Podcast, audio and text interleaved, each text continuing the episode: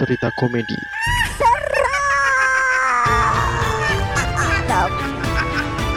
Balik lagi di Sisi Sadar bersama saya Riz Gavara. Bersama saya Sena Sindu yang saat ini lagi dengerin lagu anak yang terkutuk. Oh. Oh. Anda sudah bosan. Anda lucu? sudah bosan. Iya. Mulai bosan. Mulai bosan. Mulai bosan. Tapi kalau misal nih eh, ternyata eh, ini tuh eksklusif gitu kan, dan lu bosen gitu kan nggak bisa bro. Iya, iya. Iya sih, ya itu konsekuensinya kan. Iya benar gitu memang. Tapi kalau misal lu misal lu nih di situasi bosen gitu, apa yang lu lakuin? Ngocok lah. Enggak. Enggak, maksud gue kan ya cari referensi baru yang bikin gue tuh jadi moodnya tuh keangkat lagi gitu. Oke oke. Gitu dong. Nah gitu dong. Ini ngomongin tentang lagu anak yang gue tadi sebutin ya, ada lagu-lagu anak yang terkutuk gitu ya. Gue ada cerita nih, Waduh apa nih cerita baru dong pastinya. cerita baru, cerita baru. Cerita baru yang ini eh, ada kaitannya dengan lagu-lagu anak. Lagu-lagu anak oke. Ini cerita dari temen ya kan, yang ya cukup cukup menyeramkan. Tapi ini cerita di waktu dia masih kecil gitu. Oke. Jadi eh, ibunya, ibunya itu namanya Nurlela. Itu adalah dari ibu dari Siti. Namanya kita samarkan ya, bukan nama asli gitu ya. Oke. Siti itu yang waktu itu umurnya tuh baru lima tahun gitu. Dari kecil Siti itu hidup dengan ibunya. Karena saat itu ayahnya berpulang saat menjalankan tugas negara saat umur tiga tahun. Oke. Jadi bapaknya udah meninggal gitu. Karena ya memang ayah Siti itu adalah seorang tentara. kan. Jadi ya maklum gitu kalau dia berpulang saat bertugas gitu. Siti ini juga sering dinyanyikan Nina Bobo sebelum tidur gitu oleh ayahnya se- sebelum meninggal gitu. Jadi kebiasaannya si ayahnya Siti ini dia tuh biasanya sebelum tidur si Siti ini dikasih eh, lagu-lagu anak gitu dan yang pasti yang setiap hari dinyanyikan itu adalah lagu Nina Bobo. Oke. Nggak akhirnya kan jadi kebiasaan kan Siti itu sebelum tidur malam ya dinyanyiin itu Nina Nina Bobo itu tadi. Saat itu Siti dan ibunya harus pindah dari rumah nih ceritanya karena ya memang tinggal di tempat rumah yang cukup besar ya cukup ya namanya rumah dinas gitu kan ya Eh. itu terasa lebih berat gitu karena kan rumahnya cukup besar dan dia cuma berdua gitu Oke. apalagi ibunya Nurlela ini sering banget teringat memori yang ada di rumah itu sewaktu masih dengan suaminya. Akhirnya Nurlela atau ibunya si Siti ini menyewa rumah yang cukup untuk berdua dengan anaknya. Sebuah rumah kecil yang ada di pinggiran kota. Ruko. Enggak, bukan dong, rumah kecil bro. Rucil. Iya benar, Rucil. Rumah yang ya memang cukup cukup aja gitu berdua sama anaknya. Jadi nggak terlalu banyak kamar gitu kan. Nah di rumah baru ini oleh yang punya rumah gitu ya kan itu rumah kontrakan ya. Rumah yang sama yang punya rumah tuh berpesan gitu untuk tidak menyanyikan lagu-lagu anak gitu khususnya Nina Bobo gitu Oke. karena itu dilarang di daerah sini katanya. Tapi ya mungkin eh, itu bukan hal yang bisa menguatkan untuk tidak di sini gitu. Karena rumahnya juga bagus, enak dan di pinggiran kota nggak terlalu bising ya akhirnya mereka tetap lanjutin untuk ngontrak di rumah itu. Di daerah tempat Nurella dan anaknya itu juga dikelilingi rumah bekas Belanda gitu ya. Rumah yang notabene ya peninggalan Belanda ya zaman dulu gitu gede-gede kan dan jarang juga ditinggali sama orang-orang di sana gitu konon katanya gitu ya jika menyanyikan lagu ini akan mengundang mereka gitu katanya. Oke. itu kata si pemilik rumah tadi gitu. Hari pertama tinggal itu kan pindahan ya kan masih iya masih rapi-rapi gitu kan. Eh, nyiapin eh, perabotan yang berdatang gitu kan. Baju-baju juga dirapiin gitu ya. Eh, akhirnya sampai malam barulah selesai. Siti juga membantu walaupun ya masih kecil gitu kan. Untungnya aja Siti ini nggak nggak rewel gitu. Cuman karena terlalu capek gitu ya akhirnya hari pertama itu Siti ini tidur ya kan Tapi dia nggak bisa tidur karena belum dinyanyikan lagu yang biasa dinyanyikan ibunya itu tadi Nina Bobo. Oke. Tapi ibunya si Nurlela tadi tuh ya ingat gitu pesan dari pemilik rumah untuk tidak menyanyikannya gitu. Ya ada konsekuensinya gitu. Cuman ya gimana ya apa diganti yang lain mungkin pikirnya si ibunya gitu. Ibu, nyanyiin seperti biasa ya. Jambu alas kulite ijo sendi gagas. Ah, kenapa kenapa jambu alas dong? Anjing, si bangsat nih. Siti nggak mau denger lagu lainnya. Popam. Kenapa popang sih?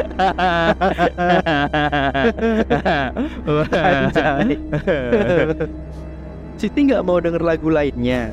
Eh, lagu apa itu ibu? Nyanyiin seperti ayah ya yang biasa lakukan dong. Kalau sama ayah biasanya sama Elsie. Waduh, aduh dia gelap banget, anjing dead banget sumpah. Parah udah ninggal loh, nggak mungkin dong. Zaman dulu, zaman dulu, zaman dulu. Ibu nyanyiin Twinkle Twinkle Little Star aja ya. Nggak mau, nggak mau. Aku maunya Nina Bobo. Karena tidak mau, akhirnya Nurella pun menyanyikan lagu Last Child. Di hari depresiku. Ya yo kan? Yo kan? Lagunya si Fir'aun kan, lagunya si Fir'aun. Fir Fir Firgaun. Fir'aun. Anjing. Tapi bener bro kalau misal lu cari ini ya keyword di Google gitu kan leher Virgon hitam gitu ketemu pasti bro. Kenapa ke lehernya hitam dong? Gak tahu. Tapi itu ada cu. Kenapa ke notice sumpah ada cu I- iya mas. Gue kan nggak harus nggak harus ke situ kan. Ada loh yang lainnya mungkin. Ya emang itu jokesnya gua gua juga gak tahu tapi bener ada coba anjing. Lu coba sekarang searching anjing. leher Virgon hitam cu anjing. Si bangke cuman akhirnya ini ya si Nurlela pun menyanyikan lagu Nina Bobo gitu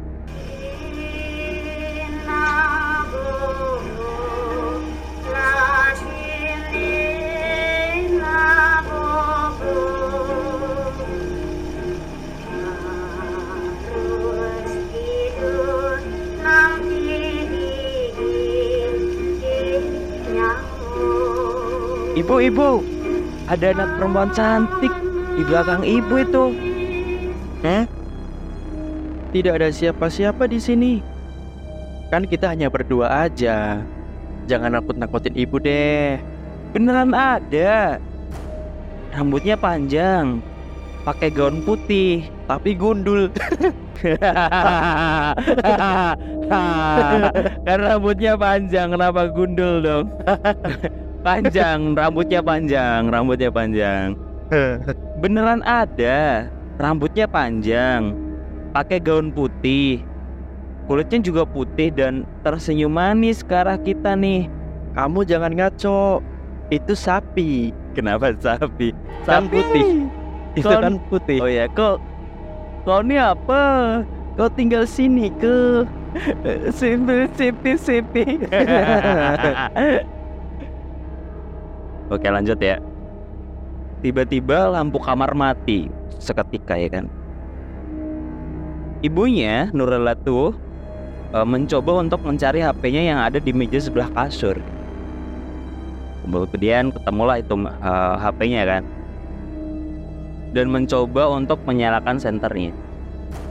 Saat menyalakan senternya, tiba-tiba dari arah pintu keluar terlihat sosok anak kecil yang menghadap keluar dan persis apa yang dikatakan oleh Siti tadi. Lalu karena panik gitu ya, ibu ibunya nih si Nurella itu segera melihat ke arah Siti yang notabene itu ada di atas kasur. Oke. Tapi saat senter mengarah ke kasur, tidak ada anaknya di sana.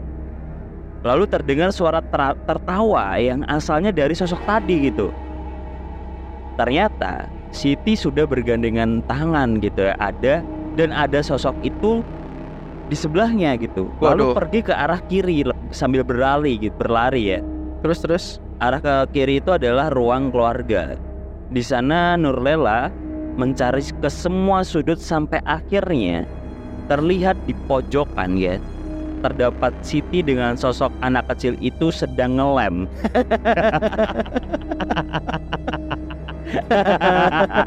ngelem di pojokan tau gak sih? di pojokan ngelem. Sambil lemas, lemas, lemas.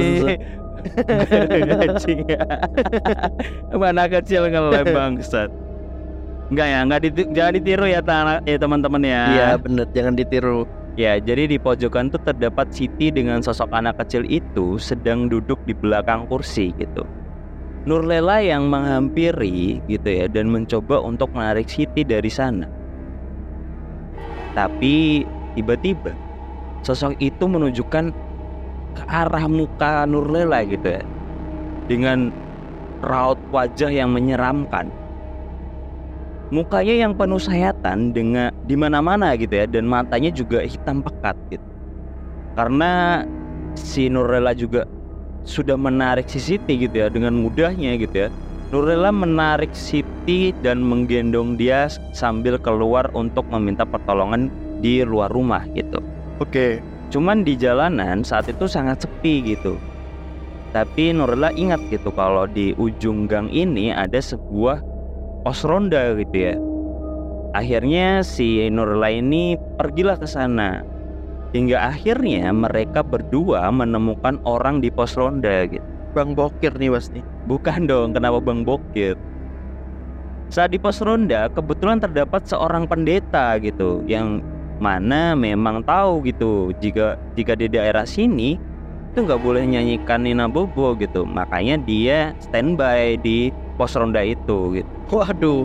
Oke, oke. Karena tahu ada orang yang baru datang ke situ dan ada anak kecil di sana. Pasti takutnya kalau dia menyanyikan Nina Bobo ya kejadiannya seperti itu. Akhirnya mereka pun diselamatkan oleh pendeta dan ya akhirnya eh, hari itu lewat. Oke. esoknya siapa tadi? Nurlela dan Siti gitu. Itu akhirnya eh, keluar dari kontrakan itu dan mencari rumah baru. Dan akhirnya mereka jauh da- dari eh, godaan dari jin atau setan yang mengikuti mereka gitu. Itu berarti kayak jadi urban legend gitu ya? urban legend di daerah situ memang karena di daerah situ eh, dulunya memang ada sosok anak kecil gitu yang berkeliaran eh, mungkin orang oleh oleh ra- orang-orang di sana gitu ya ketika menyanyikan Nina Bobo gitu si Nina yang si sosok itu pun datang gitu ya mungkin namanya juga Nina juga gitu Oh. cuman kan kita nggak tahu ya Nina Cahyanti Nina Cahyono gitu nggak tahu nggak tahu kan Iya, tapi ini sih kenapa kenapa kan setiap dinyanyikan lagu Nina itu dia keluar itu hantu gitu kan? Ya karena yang dinyanyiin itu namanya bukan Nina, dia merasa tidak terima, Bro. Oh gitu, iya bener bisa jadi bisa jadi. Kan, padahal dia masih pengen main gitu kan. Nina bobo, oh, oh Nina bobo, kalau tidak bobo, yuk kita ngelem gitu kan. Diajak diajak ngelem sama ibunya biar tidur, biar tidur.